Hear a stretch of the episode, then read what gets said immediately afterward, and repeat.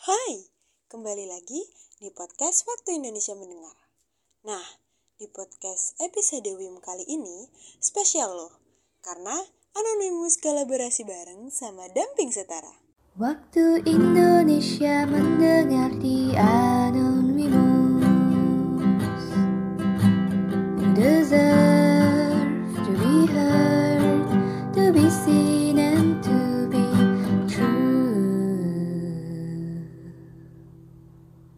Kak Tea, dan halo juga buat Kak Vanes. Halo Sobat Anon, kenalin aku Tea dari Anon Wimus. Hai hai Sobat Anon, kenalin aku Vanessa dari Damping Setara. Gimana nih buat kabar Kak Tea dan juga Kak Vanes hari ini? Seperti biasa, masih hidup dan bernapas. Kabar aku baik nih sejauh ini, thank you ya Lia udah nanya. Oke, baik. Terima kasih. Semoga Kak Vanes dan Kak Tea semakin sehat ya. Nah, sebelum membahas topik podcast pada hari ini, boleh dong ya diceritain nih sedikit tentang diri kakak-kakak ke Sobat Anon semuanya. Mungkin bisa dimulai dari asalnya, pekerjaan saat ini, dan juga fun fact biar Sobat Anon semakin kenal dengan kakak-kakak. Nah, eh, buat Kak Vanes boleh juga nih diceritain sedikit tentang komunitas damping setara.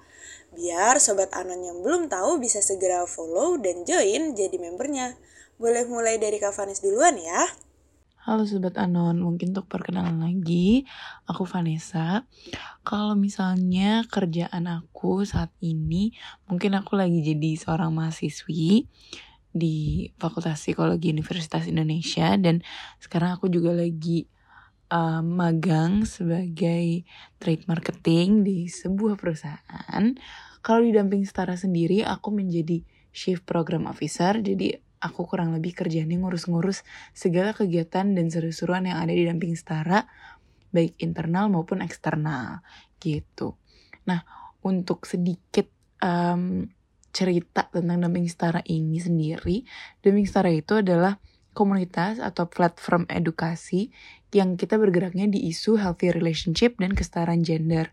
Jadi kalau misalnya teman-teman mau belajar mengenai kesetaraan gender, terus isu-isu atau pembahasan mengenai hubungan yang sehat itu seperti apa, hubungan yang setara itu seperti apa, bisa banget nih follow account Instagramnya Damping Setara dan kalau misalnya kalian tertarik juga bisa banget um, ikut seru-seruan di acaranya Damping Setara.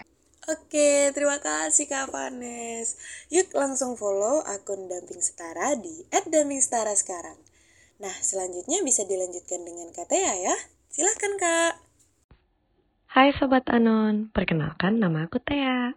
Beberapa trivia tentang aku, aku tinggal di Jakarta. Sekarang aku bekerja di bidang HR, dan aku sangat suka media Jepang. Salam kenal ya. Oke, terima kasih Kak Tea dan Kak Vanes. Aduh, menarik banget ya profil kedua kakak ini tadi. Oke, oke. Hari ini nih aku pengen tanya-tanya aja sih pendapat dari kakak-kakak soal kondisi akhir-akhir ini yang di mana orang-orang tuh sering banget dan cepet banget buat ngelabelin orang lain dengan istilah-istilah psikologi. Misal deh, label yang paling populer digunain yaitu toxic, red flag, gaslighting, narsisis, dan masih banyak lagi. Atau ada label populer lain yang aku masih belum sebutin ya? Hmm, mungkin bisa juga ditambah codependent. Oh iya benar, codependent. Terima kasih Kak Tea. Nah, oke. Okay. Bagi sobat Anon yang masih belum familiar sama label-label tadi, tapi udah sering denger nih. Udah tahu belum apa sih arti dari istilah-istilah itu? Mungkin dari Kak Tea atau Kak Vanes boleh ngasih definisi ke sobat Anon menurut kalian. Untuk penjelasan toxic dan red flag dalam hubungan, boleh nih dijelasin sama Kak Vanes. Dan sedangkan gaslighting atau codependent, boleh diberikan penjelasan oleh Kak Tea. Silahkan untuk Kak Vanes dimulai terlebih dahulu. Oke Lia, mungkin dimulai dari aku kali ya. Jadi aku akan mulai dari istilah toxic dulu. Untuk konteks yang kita mau bahas sendiri ini, kurasa kayaknya kurang lengkap nih kalau misalnya kita nyebut toxic aja. Jadi akan lebih tepat kalau misalnya kita bahas secara spesifik mengenai toxic trait. Jadi kita uh, ngobrol soal karakteristik atau behavior. Nah, kalau secara harfiah sendiri, sebenarnya kita bisa mengartikan toxic trait itu sebagai kebiasaan yang jika dilakukan, dampaknya itu bisa menyakiti orang lain. Ini contohnya bisa dari kebiasaan untuk julid atau judgmental dan sifat egois atau mau menang sendiri. Oh, ya ya ya. Berarti perilaku toksik ini mengarah ke sifat egois ya, Kak? Bisa dikatakan seperti itu nggak sih?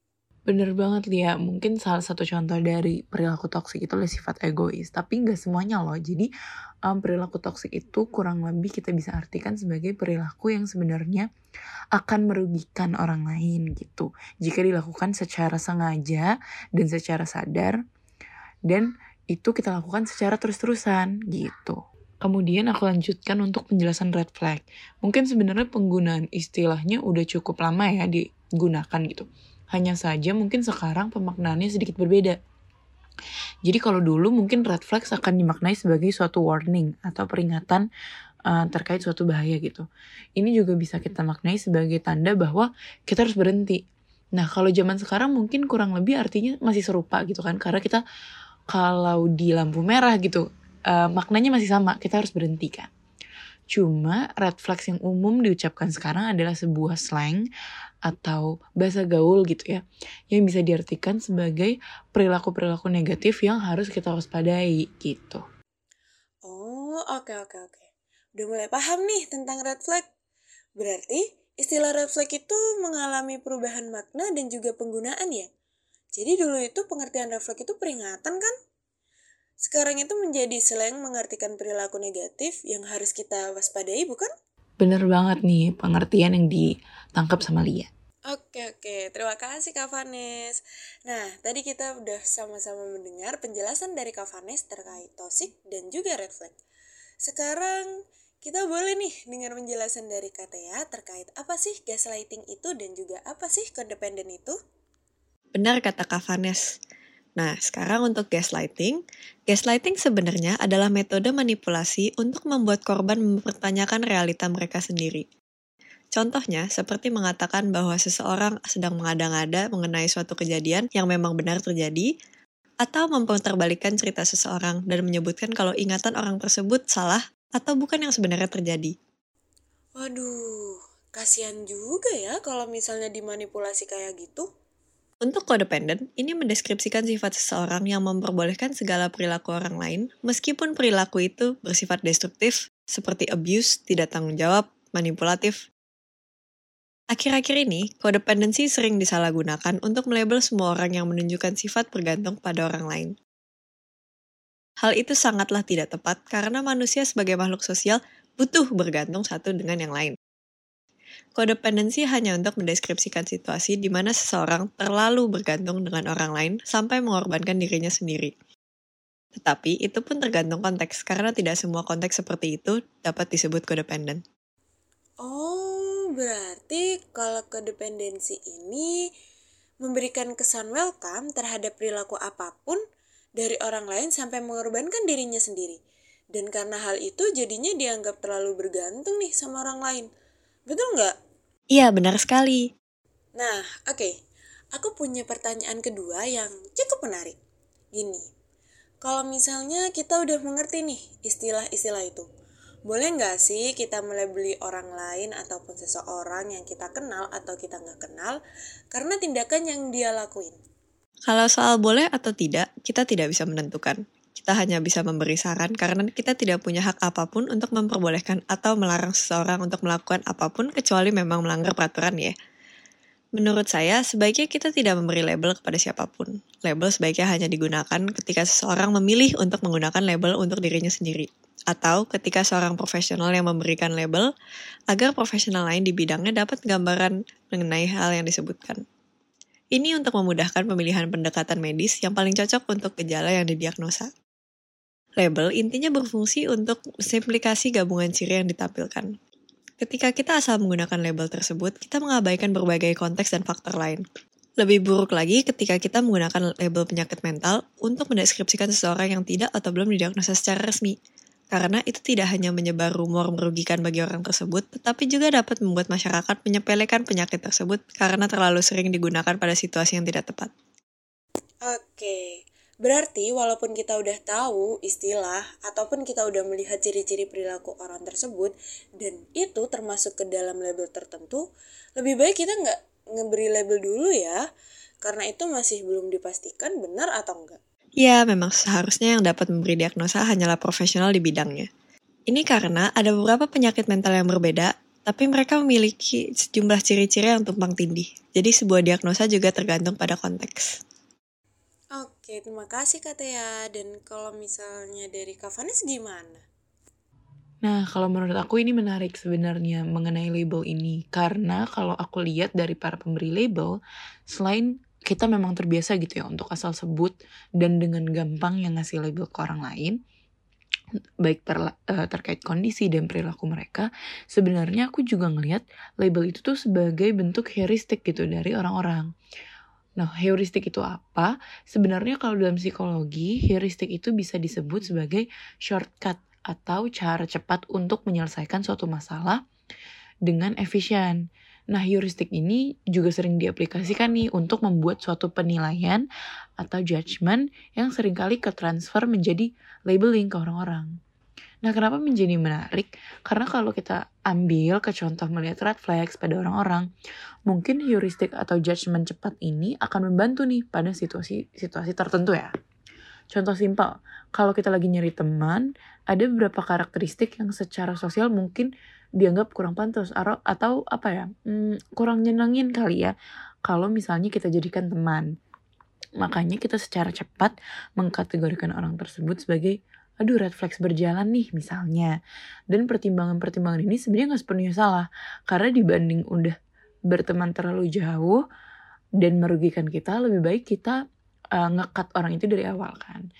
Tapi aku sangat setuju dengan yang Kak Tea mention tadi, di mana memang heuristik atau labeling ini bisa berlanjut yang jatuhnya malah merugikan orang lain. Kalau kita secara um, kalau kita nggak secara benar mengakses atau menilai orang tersebut karena cara terlalu cepat labeling misalnya. Nah kita malah bisa jadi merubah orang itu ke label yang kita berikan atau jadi manifested gitu. Contoh kita label dia nggak bisa berempati. Orangnya malah mikir kalau itu memang kekurangan dia dan dia malah lebih memilih untuk um, apatis gitu. Makanya kita lebih baik nggak label sembarangan atau nggak label terlalu cepat kalau misalnya kita belum melakukan penilaian terhadap orang tersebut secara benar-benar detail. Oh iya iya iya. iya. Terima kasih Kak Vanes. Jadi untuk pemberi label mungkin melabel itu bisa digunakan sebagai shortcut buat kondisi tertentu menghindari atau meminimalisir masalah. Tapi balik lagi, akan lebih baik untuk tidak melabel seseorang karena malah merugikan orang lain. Malah merubah orang itu ke label yang kita berikan. Padahal sebenarnya bisa aja loh orang itu nggak termasuk ke dalam label yang kita berikan. Bener banget tuh ya. Jadi memang kita bisa menggunakan itu sebagai shortcut untuk menghindari atau meminimalisir masalah. Tapi kalau dilakukan terlalu cepat atau dilakukan dalam tanda kutip asal-asalan ya, kita menjadi jatuhnya menjadi orang yang judgmental gitu. Oke, terima kasih lagi buat Kak Vanes. Nah, selanjutnya aku nih punya pertanyaan lagi ngelanjutin dari penjelasan Kak Vanes terkait sudut pandang pemberi label, sekarang nih, misalnya, kita nggak bisa dong nge-label orang seperti itu. Kira-kira alternatif apa sih yang bisa digunain untuk memberi penjelasan terkait perilaku seseorang atau mendeskripsikan perilaku seseorang tersebut tanpa kita harus melabeli orang lain? Sebaiknya kita menyebutkan perilakunya secara spesifik daripada memasang label. Misalnya, menyebutkan bahwa seseorang berperilaku egois, manipulatif, dan tidak ramah. Bukan semena-mena melabel mereka narsisis. Walaupun seseorang yang didiagnosa sebagai narsisis atau mempunyai narcissistic personality disorder memiliki ciri tersebut, ada banyak faktor lain yang membuat seseorang mendapatkan diagnosa itu, dan bukan diagnosa lain yang kebetulan juga memiliki ciri-ciri yang serupa. Dan sebenarnya sangat sedikit jumlah orang yang benar-benar mendapat diagnosa tersebut dari seorang profesional. Label semacam toxic dan red flag berakibat menghilangkan konteks dan ciri yang spesifik. Zaman sekarang, sering kali orang menggunakan kata-kata tersebut hanya karena mereka tidak suka dengan orang yang mereka beri label itu. Lebih baik kita mendeskripsikan ciri atau perilaku yang kita tidak sukai atau yang menurut kita kurang baik. Perlu diingat bahwa hanya karena menurut kita suatu perilaku tidak baik, belum tentu orang lain sependapat. Maka, inilah salah satu pentingnya menyebutkan secara spesifik hal apa yang membuat kita ingin memberi label tersebut. Wah, aku fully setuju banget sih sama kata ya. Karena waktu aku pernah ngobrol-ngobrol juga nih sama seorang psikolog. Walaupun memang tidak um, apa ya, bukan pembicara mengenai toxic dan red flags, tapi contoh atau hal-hal yang bisa aku ambil dari pembicaraan itu adalah seorang psikolog sekalipun gak pernah mau langsung melabel pasiennya atau orang lain berdasarkan uh, pengamatan pertama yang mereka lihat gitu. Jadi aku benar-benar setuju bahwa um, orang itu nggak bisa kita berikan label yang semena-mena gitu berdasarkan pandangan atau asumsi pertama kita. Jadi biasanya alternatif yang aku buat mungkin selain um, saran yang tadi diberikan KTH yaitu kita mendeskripsikan mendeskripsikan aja ciri atau perilakunya. Biasanya kalau aku akan melakukan um, tanya jawab gitu dengan diriku sendiri. Kira-kira aku tidak menyukai orang ini tuh karena apa sih? Perilakunya yang mana? Apakah perilaku itu sebenarnya bisa jadi dianggap normal oleh orang lain dan itu memang um, dalam tanda kutip perilaku yang aku anggap red flag sendiri gitu loh. Apakah itu preferensi pribadiku sendiri? Jadi kalaupun aku mau menganggap orang ini sebagai orang yang tidak preferable untukku atau dalam tanda kutip red flags untukku, aku nggak memberikan label untuk mereka sehingga orang lain juga bisa ikut-ikutan ngecap mereka sebagai label yang aku berikan. Tapi lebih baik aku bilang ke diriku sendiri, oh memang orang ini memang tidak masuk dalam preferensiku sebagai misalnya seorang teman atau sebagai orang yang uh, aku kenal tapi bukan berarti dia harus aku label atau aku cap dengan istilah-istilah um, buruk tertentu gitu. Oke, aku juga setuju sih sama kata ya. Nah, sekarang gini. Kalau misalnya ada orang terdekat kita yang memberi label ke orang lain, ada tips nggak dari Katea dan juga Kak Vanes terkait sikap yang untuk merespon orang terdekat kita tanpa kita melabeli orang seenaknya sendiri. Mungkin boleh nih dari Kak Vanes duluan, baru kata yang memberikan pendapatnya. Kalau dari aku mungkin kayak yang aku lakukan pada diriku sendiri juga jadi kayak melakukan tanya jawab gitu ya. Biasanya kan dengan tanya jawab orang jadi menemukan kesalahan dari jawaban mereka sendiri ya. Tapi mungkin aku melakukan tanya jawabnya dengan tone yang bercanda atau tone yang santai karena dengan sesama teman kan gitu jadi kalau misalnya mereka melabel seseorang uh, narsis misalnya atau red flags mungkin aku akan melakukan tanya jawab juga gitu kira-kira seperti apa sih narsis yang kamu pikirkan gitu. Kira-kira kenapa dia narsis? Pun kalau dia narsis perlu gak sih kita besar-besarkan gitu? Selama kita mungkin tidak terkena dampaknya dan lain sebagainya. Kurang lebih mungkin kayak gitu kali ya. Hmm, kalau dari aku, aku lebih suka membalut segala hal dengan lelucon agar lebih santai. Jadi kalau ada seseorang yang bersifat agresif atau mau menang sendiri dan suka mengatur, aku bisa bilang, mmm, mungkin orang itu kesulitan buang air di pagi hari. Atau siapa tahu sarapannya gosong, terus dia harus susah-susah gosok pancinya sebelum kerja, jadi sekarang sudah lelah. mungkin itu aja sih. Oke, tipsnya berarti jangan cepat kepancing dulu ya. Dan bisa nih, dibuat jadi lelucon aja, untuk menghindari label-label yang gak perlu. Nah, ada beberapa catatan yang aku tulis terkait topik kita hari ini untuk gak cepat memberikan label ke orang lain. Ada tiga tips. Yang pertama, pahami istilah dari label yang kamu asumsikan atau pikirkan tentang seseorang terlebih dahulu. Yang kedua, setelah cukup mengerti istilah-istilah itu, kita tuh nggak boleh cepat untuk memberikan label ke orang lain. Tetap nggak boleh cepat walaupun kita Paham? Nah, boleh kita memberikan label ke orang tersebut, tapi hanya ketika seseorang memilih menggunakan label itu untuk dirinya sendiri, atau ketika seorang profesional memberikan label ke orang tersebut. Nah, yang ketiga ini, tipsnya tuh ada dua. Jadi, yang pertama itu melakukan tanya jawab untuk tujuan refleksi, tapi dengan nada yang santai atau bercanda. Dan yang kedua, ngebuat jadi lelucon aja biar lebih santai. Nah, sekian nih bahasan singkat kita mengenai pemberian label ke seseorang ya Sobat Anon. Terima kasih bagi semua Sobat Anon yang sudah mendengar podcast Waktu Indonesia Mendengar kali ini sampai selesai. Jangan lupa follow podcast Waktu Indonesia Mendengar di Spotify supaya kalian gak ketinggalan cerita menarik lainnya dan jangan lupa share bagi teman-teman yang membutuhkan ya. Oke, bagi Sobat Anon yang ingin bercerita terkait kisah sobat, caranya gampang banget. Silahkan kunjungi Instagram at anonymous, lalu klik link di bio ya. Oh ya, Kalian juga bisa curhat secara anonim atau ngobrol santai bareng teman curhat dan sobat anon lainnya dengan bergabung di Discord Anonymous melalui link di bio Instagram kami. Sekali lagi, terima kasih dan sampai jumpa di episode selanjutnya. See you. Waktu Indonesia mendengar di Anonymous. Deserve